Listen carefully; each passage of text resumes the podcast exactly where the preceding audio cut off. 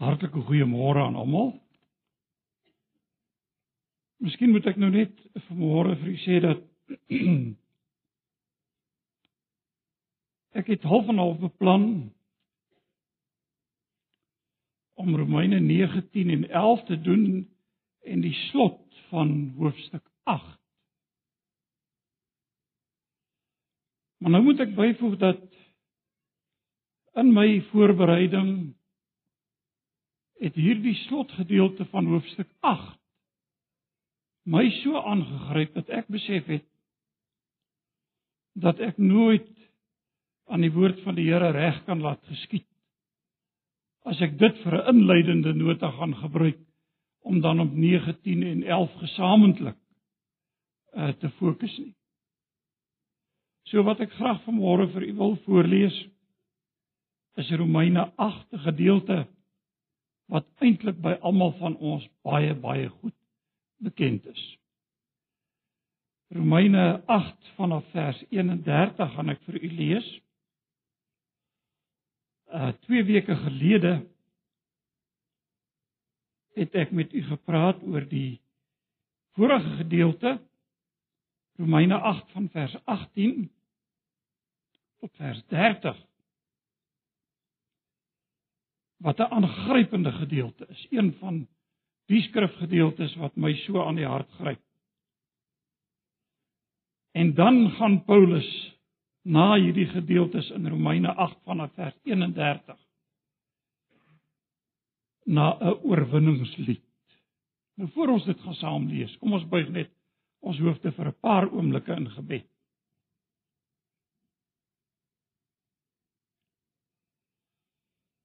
Here ons dank U vir die voorreg om vanmôre hier so saam te kan wees. Dankie vir U woord wat U aan ons gegee het.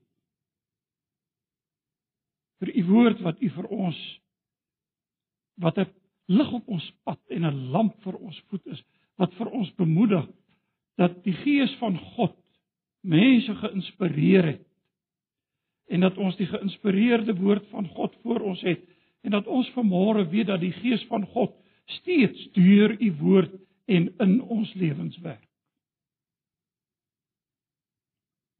Ons bid dan dat u op 'n besondere manier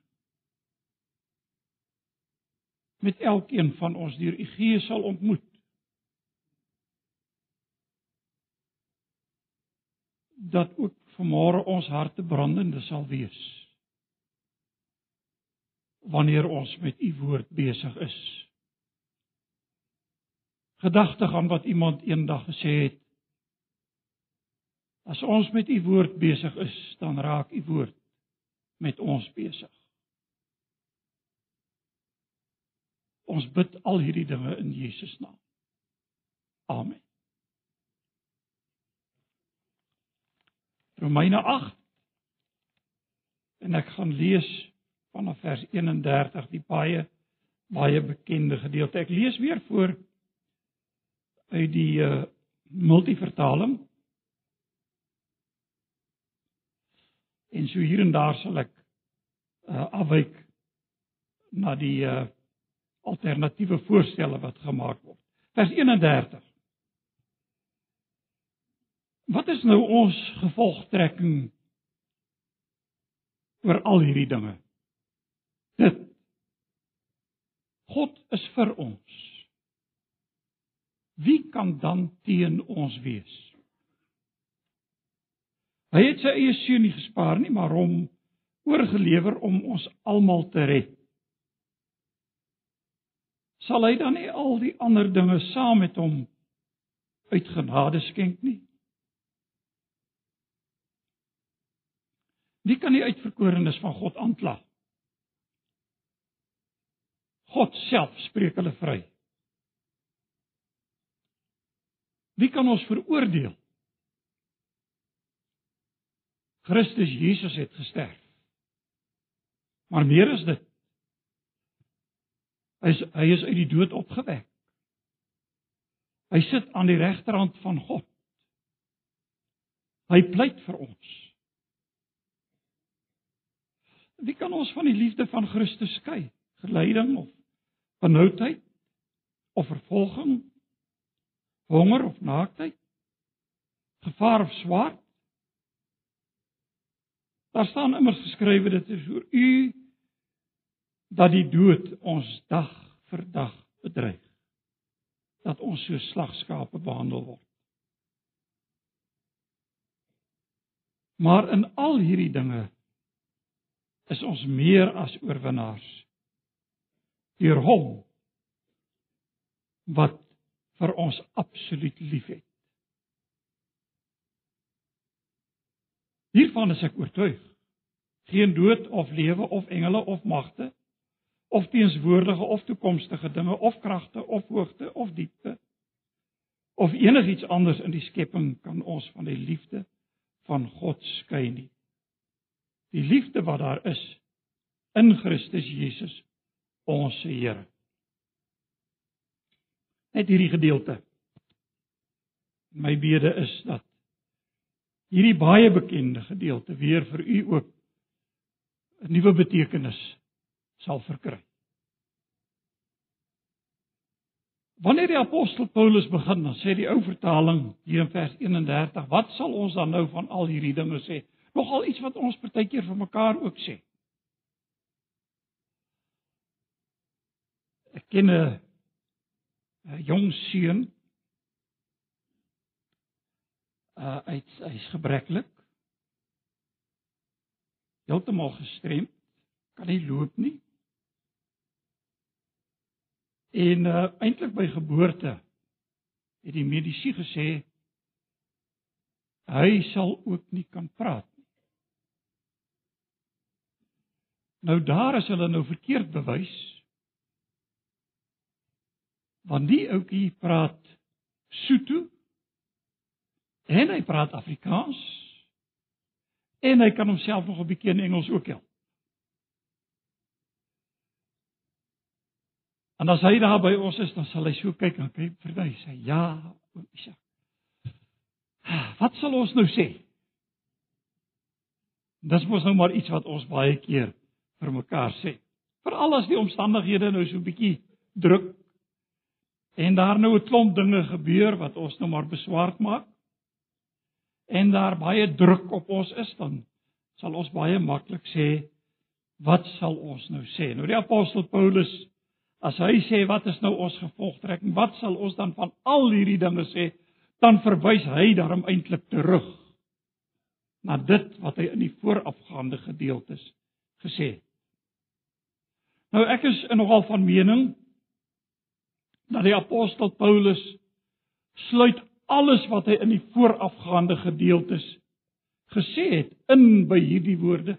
Wat is ons gevolgtrekking soos die Nuwe Afrikaanse vertaling dit stel? Wat sal ons dan sê? En dis 'n terugverwysing na al hierdie wonderlike dinge waaroor hy gepraat het. Die verskriklike aanklag wat voor ons deur gelê is van sonde waar ons almal verskuldig staan.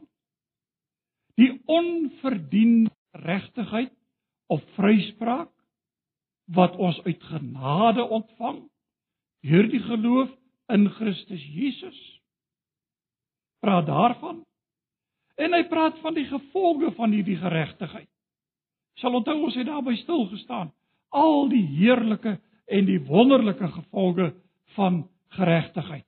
Dis na al hierdie dinge wat hy terugverwys as hy sê, wat sal ons van al hierdie dinge sê? Wat is ons gevolgtrekking oor al hierdie dinge. En dan kom hy by hierdie baie bekende woorde. Die ou vertaling lees dit as God vir ons is. Wie kan teen ons wees? Nou die tweede deel, wie kan teen ons wees is die vraag. U sal sien in vers 33 kom daar weer 'n vraag na vore. En so ook in vers 34. En elke keer sny hy 'n ander saak aan. Hierdie een gaan oor die feit as God nou vir ons is. So uit al die voorafgaande gedeeltes wat ons gelees het, het ons die waarborg gekry. Het ons die versekering gekry. God is vir ons. En in hierdie gedeelte wat ons gelees het in hierdie paar verse, kom die woordjie, ons u sal dit nie in al die vertalings opmerk nie, maar die woordjie vir ons 3 keer voor. Want God is vir ons. Sê hy, hy het sy seun nie gespaar nie om vir ons oorgelewer. En dan ook hier in vers 34 kry ons dit weer uh uh hy pleit vir ons. Tree vir ons in. So hierdie vir ons is so voldonge feit vir die apostel Paulus dat daar by hom nie in die minste enige twyfel is. God is vir ons. Dis die waarborg waarvandaan ons vanmôre kan werk. Dis die waarborg wat God self vir sy kerk, vir sy kinders gee dat ons vandag die versekering kan hê God is vir ons. En wat is sy gevolgtrekking? Nou, as God nou vir ons is, wie kan nou teen ons wees? En ek dink vir geen oomblik dat Paulus hier bedoel dat ons nooit teenkanting sal kry nie. Sy eie lewe getuig van geweldige teenkanting. Gaan lees maar 2 Korintiërs in die verband wanneer hy vertel van al sy ontberings. So vir die apostel Paulus het die voorspoed kultus nie heeltemal altyd gewerk nie. Hy het geleer om vergenoeg te wees met die omstandighede waarin hy is. So dinge was teen hom. Sy eie volksgenote was teen hom. Hoeveel keer is hy nie vervolg nie? in die gevangenis ter wille van sy geloof. Soveel elende, soveel hartseer, skipbreuk, slae gekry. Al hierdie dinge praat die apostel van. So daar is dinge wat teen hom was. En ten spyte daarvan kan die apostel Paulus kom in die lig van die wonder en die grootheid van God se genade om te sê as God vir ons is, Wat maak dit saak wie kan eintlik werklik teen ons wees? En weet jy hierdie is vir my so aangrypend. Want ag, hoeveel dinge gebeur daar nie in jou en in my lewe wat ons ook maar sê ag hierdie omstandighede is so teen my. Hoe het ek nie die afgelope maand of 2 gekla oor dinge wat gebeur? En dan voel dit vir my asof omtrent die hele wêreld teen my is. En jy raak mismoedig en jy raak ontmoedig en jy raak te, jy raak te neergedruk. En dis binne hierdie konteks wat die apostel Paulus 'n ander perspektief vir ons wil gee om te sê maar kom ons kyk anders hierna. Kom ons dink voortdurend en opnuut aan die grootheid van God se genade. In die wete God is vir ons. Hy het vir ons gekies. Hy het vir ons besluit. Hy het ons aangeneem as sy eie. En in die lig daarvan kan die apostel Paulus sê, nou as dit waar is. Kom ek stel dit so, dan is hierdie ander dingetjies mos maar ander dinge mos maar verlietjies. Dis mos kleinigheid. Ag ek weet, in jou en my lewe is hierdie dinge nie altyd kleinighede nie. In jou en my lewe is hierdie dinge partykeer groot krisisse en groot hartseer en groot pyn en groot onsekerhede wat ons moet verwerk. Maar die belangrikheid daarvan is dat ek sal leer om binne hierdie omstandighede te kan sê nie op grond van myself nie. En ek kom nou daarby op grond van God se woord, maar God is vir my. Hy het gekies om vir ons te wees. Hoe weet ek dit? Kom ons lees verder. Paulus bewys dit in vers 32. Hy sê hy het sy eie seun nie gespaar nie. Maar hom die nuwe vertaling lees net oorgelewer. Daar staan het hom vir ons oorgelewer. Om ons almal te red. God het gegee wat niemand anders kon gee nie. Dis asof hierdie versie so 'n bietjie teruggryp na Abraham wat vir Isak moes gaan offer. En u ken die geskiedenis. En uiteindelik toe Abraham gereed is om vir Isak te offer, toe voorsien God in die offerlam.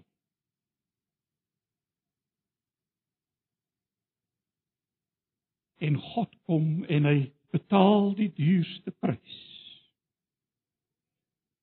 om sy seun te gee. God kon nie meer en kon nie dieper as dit gee nie. Hy het alles gegee. Dis die waarborg dat ek en jy vanmôre kan weet, maar God is vir jou. Hy het gekies. Hy het sy seun gekies. Hy het hom gegee as die offer. En daar lê die waarborg nie in onsself nie. Jy sien, as as enige iets van hierdie goed in myself geleë was, dan was jy en ek seker van die hopeloosste mense op aarde. En weet jy, ek dink baie oor hierdie dinge van vergeldingsdogma en jy weet van die goed. En dan sê ek vir myself, ag ek is so dankbaar dat ek nie na myself hoef te kyk nie. Vanmôre hier vir iemand genoem. Hoe weet jy jou geloof is eg?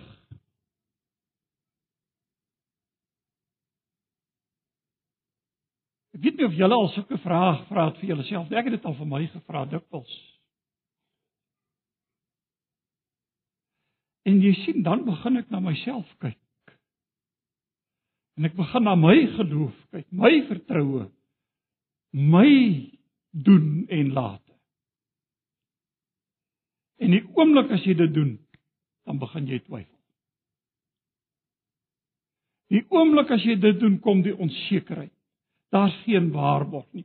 Weet jy in die teologie was daar 'n geweldige stryd tussen die hervorming en die rooms-katolieke oor 'n baie fyn puntjie. Dit gaan oor hierdie geregtigheid deur die geloof. Waar Martin Luther van die standpunt af uitgegaan het, dis 'n vreemde geregtigheid. Dis nie ons nie, dit word ons toe gereken. en waarin die rooms-katolieke van die standpunt af uitgaan het nee ons word regverdig in onsself en as jy dan na jouself kyk en jy alles gedoen het wat jy moontlik kan dan hoop jy dat jy regverdig is as God na jou kyk maar nou sê die Bybel vir ons nee Hy het sy eie seun nie gespaar nie. Hy het hom vir ons oorgelewer. Hy is die een wat in my plek staan. So ek kyk nie na myself nie. As ek vanmôre weet God is vir my, dan een mag ek nie toelaat dat my omstandighede my oorheers nie. Ek mag nie toelaat dat ek my oë op myself en my eie doen en late vestig. Ek moet en ek is verplig om te sê maar God is vir my. Hy het vir my gekies. Hoe weet ek dit? Hy het sy seun oorgelewer om ons almal te red. En dan sê die apostel Paulus nou as hy dit gedoen het, sal hy dan nie al die ander dinge saam met hom uit genade skenk nie.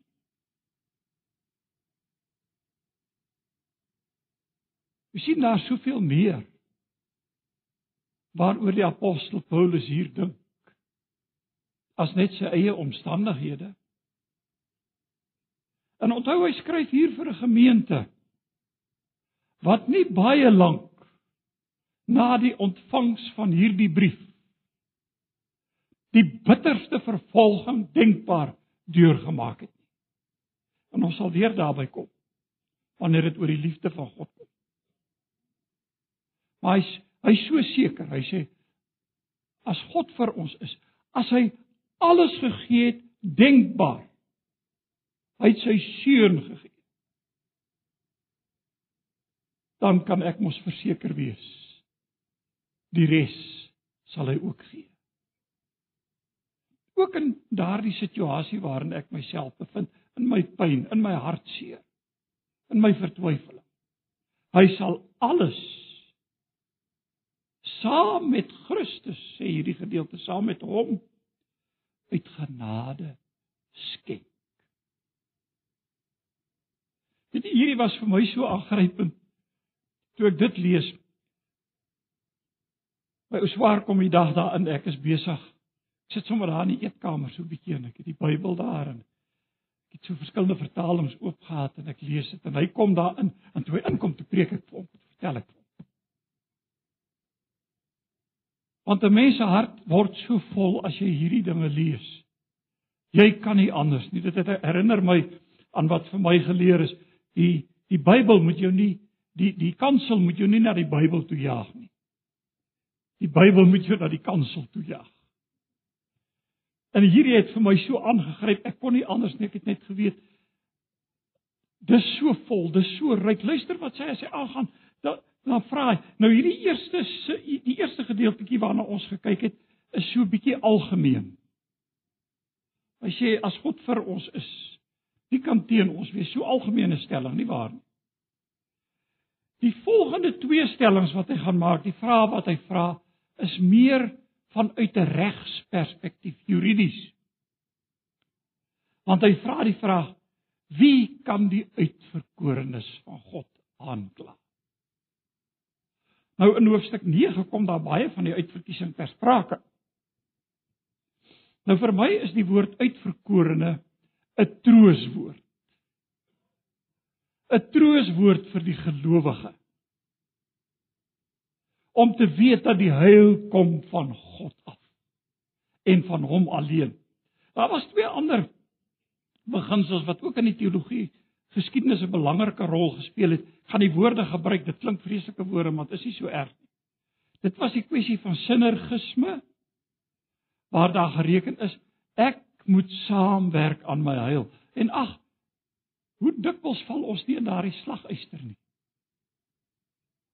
Want jy weet, ons praat met mekaar en ons sê maar uh maar jy moet darm dit en dit en dit doen.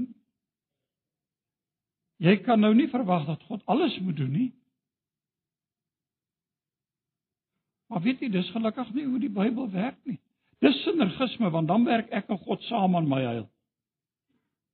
En wie sê my deel is reg? Wie sê die bydraetjie wat ek nou gebring het vir my heil is reg? En daarom gryp ek vas aan die ander woord, die een van monergisme, Met ander woorde, die heil kom van God af en van hom alleen.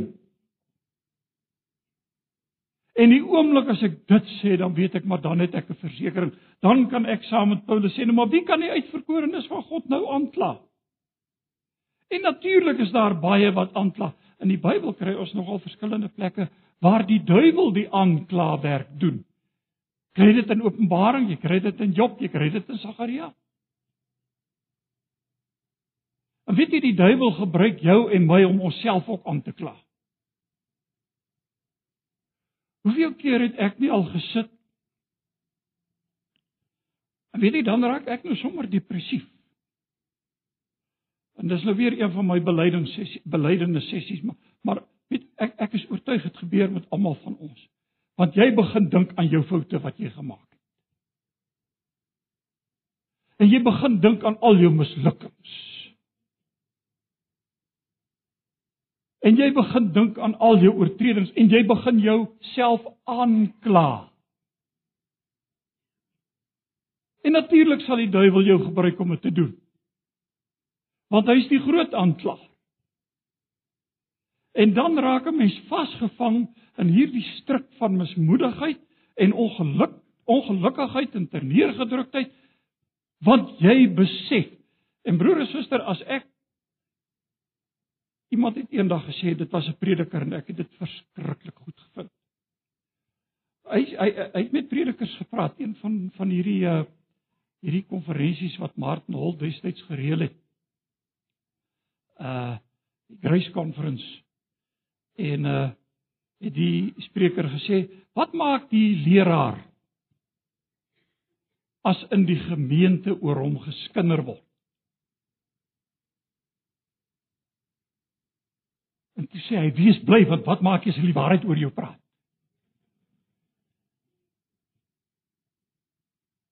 En nou kom die apostel Paulus binne hierdie konteks en hy sê: "Wie sal die uitverkorenes, daardie mense wat God sy eie gemaak het, hulle wat hy uit genade gered het, hulle wat in sy gemeente sit, ons wat hier by mekaar is wat hom ken, wat hom aanbid, wat hom dien, wie sal beskuldiging inbring teen die uitverkorenes van God? En dan antwoord hy sê nee. God self sê die nuwe vertaling. Spreek hulle vry. Wat wil jy meer hê? Want dis wat die apostel Paulus in Romeine 3 oor gepraat het. Geregtigheid uit die geloof. God self spreek hulle vry. En as God vir jou en my vrygespreek het, en dan dink ek aan al my mislukkings. Ek dink aan my sonde, ek dink aan die verkeerde, die die die ek kan alles nie eers by die naam noem nie, dan weet ek net God spreek my vry. En dan kan niemand 'n klag teen jou en teen my lê nie. Wie kan die uitverkorenes van God aankla? God self spreek hulle vry. En die ander vraag wat hy vra is ook juridies. Wie kan ons veroordeel? En wat ek by die vorige gedeelte gesê het, is net so van toepassing hier. Want hoe maklik veroordeel ons nie onsself nie. Ag weet jy my my ma was ek reken dit was 'n maand of 2 voor haar dood. Toe kuier sy by ons. En uh sy het so eenkant was daar 'n kamer en sy daar geslaap. En uh ek gaan net die aand om te hoor of alles in orde is. As hy begin met my praat. Iemand wat die Here gedien het met haar hele hart, iemand vir wie ek die hoogste agting het. En sy so bekommerd want sy was op daardie stadium by die 87 amper 87 en sy sê vir my ag ek is so bekommerd Hoe kan ek voor die Here gaan staan?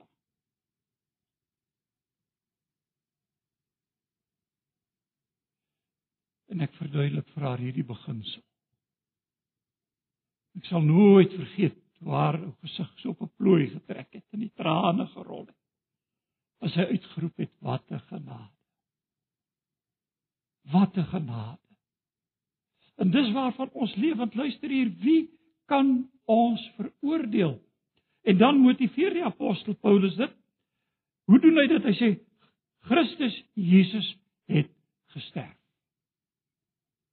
Met ander woorde, God se oordeel is gevel. God het geoordeel.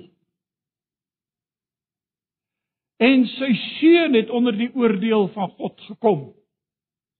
As gevolg van ek en jy wat die oordeel moes ontvang. En dis binne hierdie konteks waar die apostel Paulus dan kom en sê, wie kan ons veroordeel? Christus het gesterf, so hy het reeds die oordeel gedra. En meer nog. Hy is uit die dood opgewek. 'n Belangrike tema in die in die in die Nuwe Testament. Ek het 'n hele klompie jare gelede hierdie saak was vreeslik aan die orde wat daar gepraat is oor die opstanding van Christus en die konsep van die leë graf. En toe het ek 'n artikeltjie geskryf uh getitel uh opstanding leë graf. Twee kante van dieselfde munt. Want die Nuwe Testament, die Bybel maak veel van die opstanding van Christus. Die apostel Petrus waarborg ons weergeboorte aan die opstanding van die Here Jesus uit die dode. En die leë graf is die sprekende bewys Jesus het opgestaan uit die dood. Dink maar die moeite wat die apostel Paulus gedoen het om te bewys hoe dat Jesus opgestaan het uit die dode wanneer hy getuies oproep. En mense aan wie hy verskyn het as getuies dat Jesus opgewek is uit die dood. Ek noem dit weet jy vir die eenvoudige rede dat hierdie dinge is aan die orde van die dag. Daar's daar's teoloë, daar's Nuwe Testamentiese wat die opstanding van Christus verwerp. En wat ek hier vir julle sê is die reine waarheid.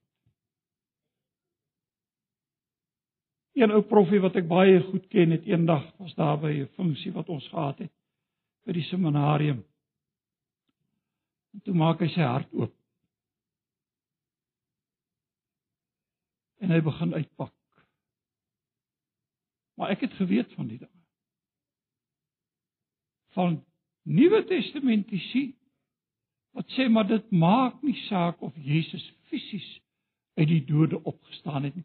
Hy het in die prediking opgestaan. Tipies wat die wat wat uh wat wat Bultmann gesê het, ek weet nie, julle het sekerlik al die naam van Bultmann gehoor, 'n Nuwe Testamentikus uit Duitsland. Die vorige eeu wat gesê het ons ons lewe in 'n nuwe era. Ons lewe in 'n tyd waar mense nie meer glo dat dooies opgewek kan word nie. Maar sulke dinge nie. So ons moet dit goed herinterpreteer. Klink dit bekend? Lees dit in die tydskrifte, lees dit in koerantberigte, hierdie debatte wat aan die gang is. Ons moet dit goed herinterpreteer.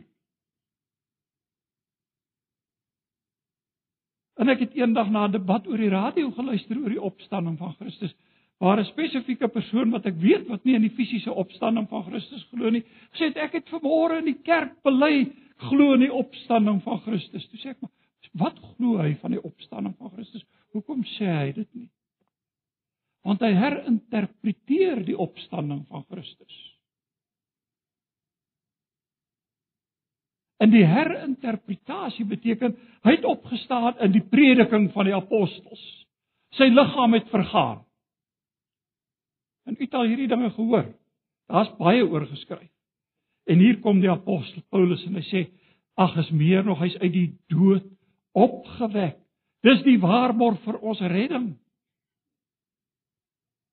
Wat het Johannes gesê aangaande die Heilige Gees wat sou kom? Hy sal die wêreld oortuig van sonde omdat hulle in my nie glo nie. Van geregtigheid omdat ek na my Vader gaan.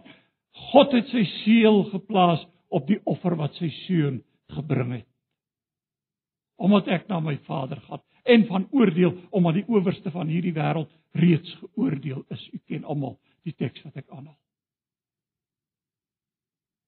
Dis die wonder. Hy het opgestaan sê die Bybel vir ons en meer nog. Luister na hierdie woorde. Hy sit aan die regterhand van God. Wat beteken dit? Dit beteken hy heers. Onthou u Nee, julle sal dit nie onthou nie. Dis lank terug, maar heel aantal jare terug het ek hier gepreek oor Jesus as profeet, as priester en as koning.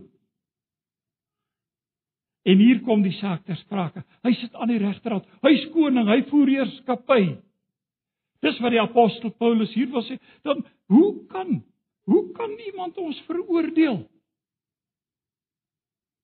Hy sê want want nee. Hy sê uh, uh, uh, Christus het gesterf. Hy's opgewek uit die dood. Hy sit aan die regterhand van die Vader en luister na hierdie woorde. En 2 weke gelede het ek ook daaroor gepraat uit 'n ander konteks. Hy pleit vir ons. Weet jy dit het my so aan die hart gegryp om te weet dat ek in my mislukkings en my teleurstellings nou hier hede die versekering kan hê dat Jesus aan die regterhand van die Vader vir jou en vir my pleit. En asof dit nie genoeg was nie, die apostel Paulus in hoofstuk 8, die vorige twee weke gelede het ek daaroor gepraat, gepraat oor die drie sugte.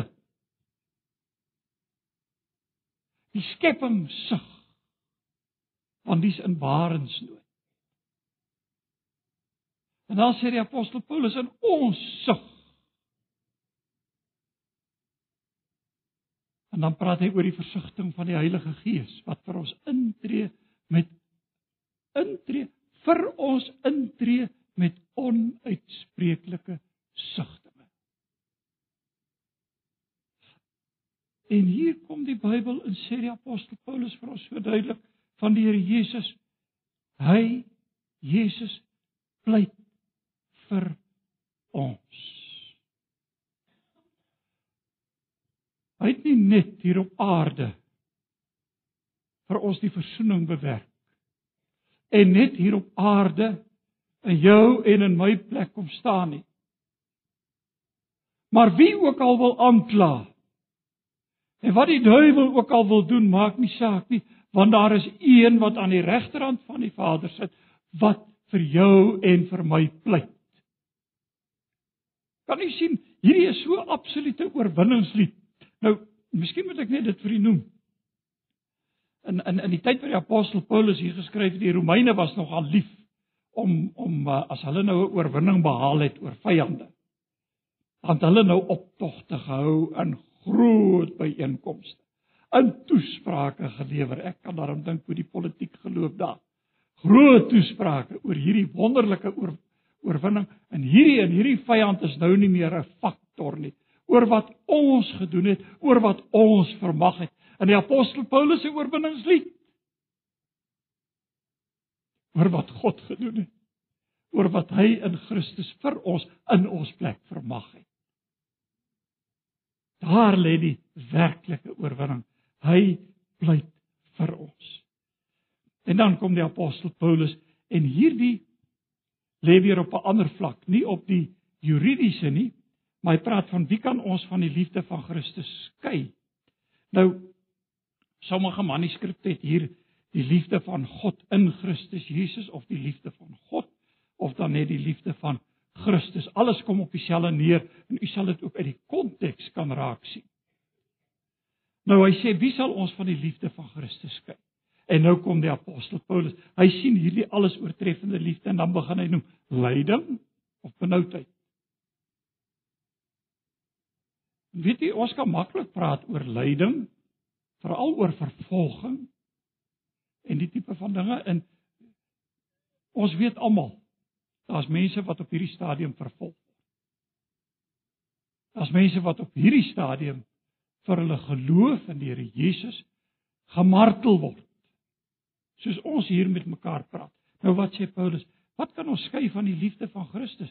Lyding of benoudheid of vervolging honger of naaktheid, gevaar of swaard. En dan haal hy die psalms aan. Hy sê dis oor dis oor u dat die dood ons dag vir dag bedryf. Bedreig dat ons so slagskape behandel word. En dan hierdie maar in al hierdie dinge is ons meer as oorwinnaars. Hoekom? Deur hom wat ons liefhet.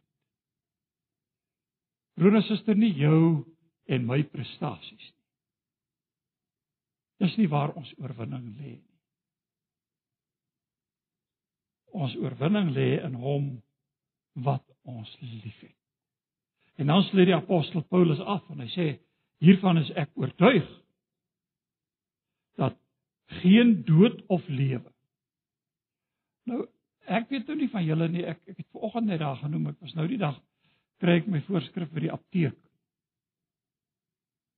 Ek sê vir die ou dametjie daar wat my help, ek sê jong, wat sal 'n mens daarom nie alles doen om 'n bietjie langer te kan leef nie? Doen dit mos maar almal, nie waar nie? Maar die apostel Paulus kom en hy sê ek is oortuig dat geen dood of lewe of mag engele of magte of teenswoordige of toekomstige dinge of kragte of hoogte of diepte of enige iets in die skepping met ander woorde die apostel Paulus betrek alles. En sy konklusie daar's niks wat ons van die liefde van God kan skei nie. Die liefde wat daar is in Christus Jesus ons Here.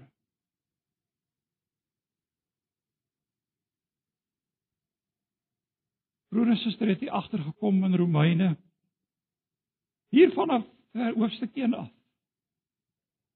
Wat sien ons raak in al hierdie dinge? Die onpylbare onbegryplike groot liefde van God. Dis wat 'n mens raak sien. En daarom sê hy daar's niks wat ons van God se liefde kan skei nie. En dis die oorwinningslied wat ek graag by u wil laat. Met die bede dat in die stryd en in die teleurstellings en in die ontmoedigings wat gaan kom jy elke keer kan teruggryp. Maar Romeine 8 vers 31 tot 39. En weet hierdie woord is deur die Heilige Gees gedrywe en neergeskryf. En dis dieselfde Gees van God wat in jou en in my lewe werk om dit te bevestig. Ons buig net vir 'n oomblik ons hoofde in gebed. Here ons dankie vir die ou tydjie saam. Maar bovenal vir die wonder van u genade en u liefde. Ons erken vanmôre ons verstaan daar niks van nie. Maar ons dankie dat ons dit vanmôre kan omarm en weet dis u woord vir ons hier by mekaar. Ons bid dan dat u vir ons sal help om ons oë op u te rig. In Jesus naam. Amen.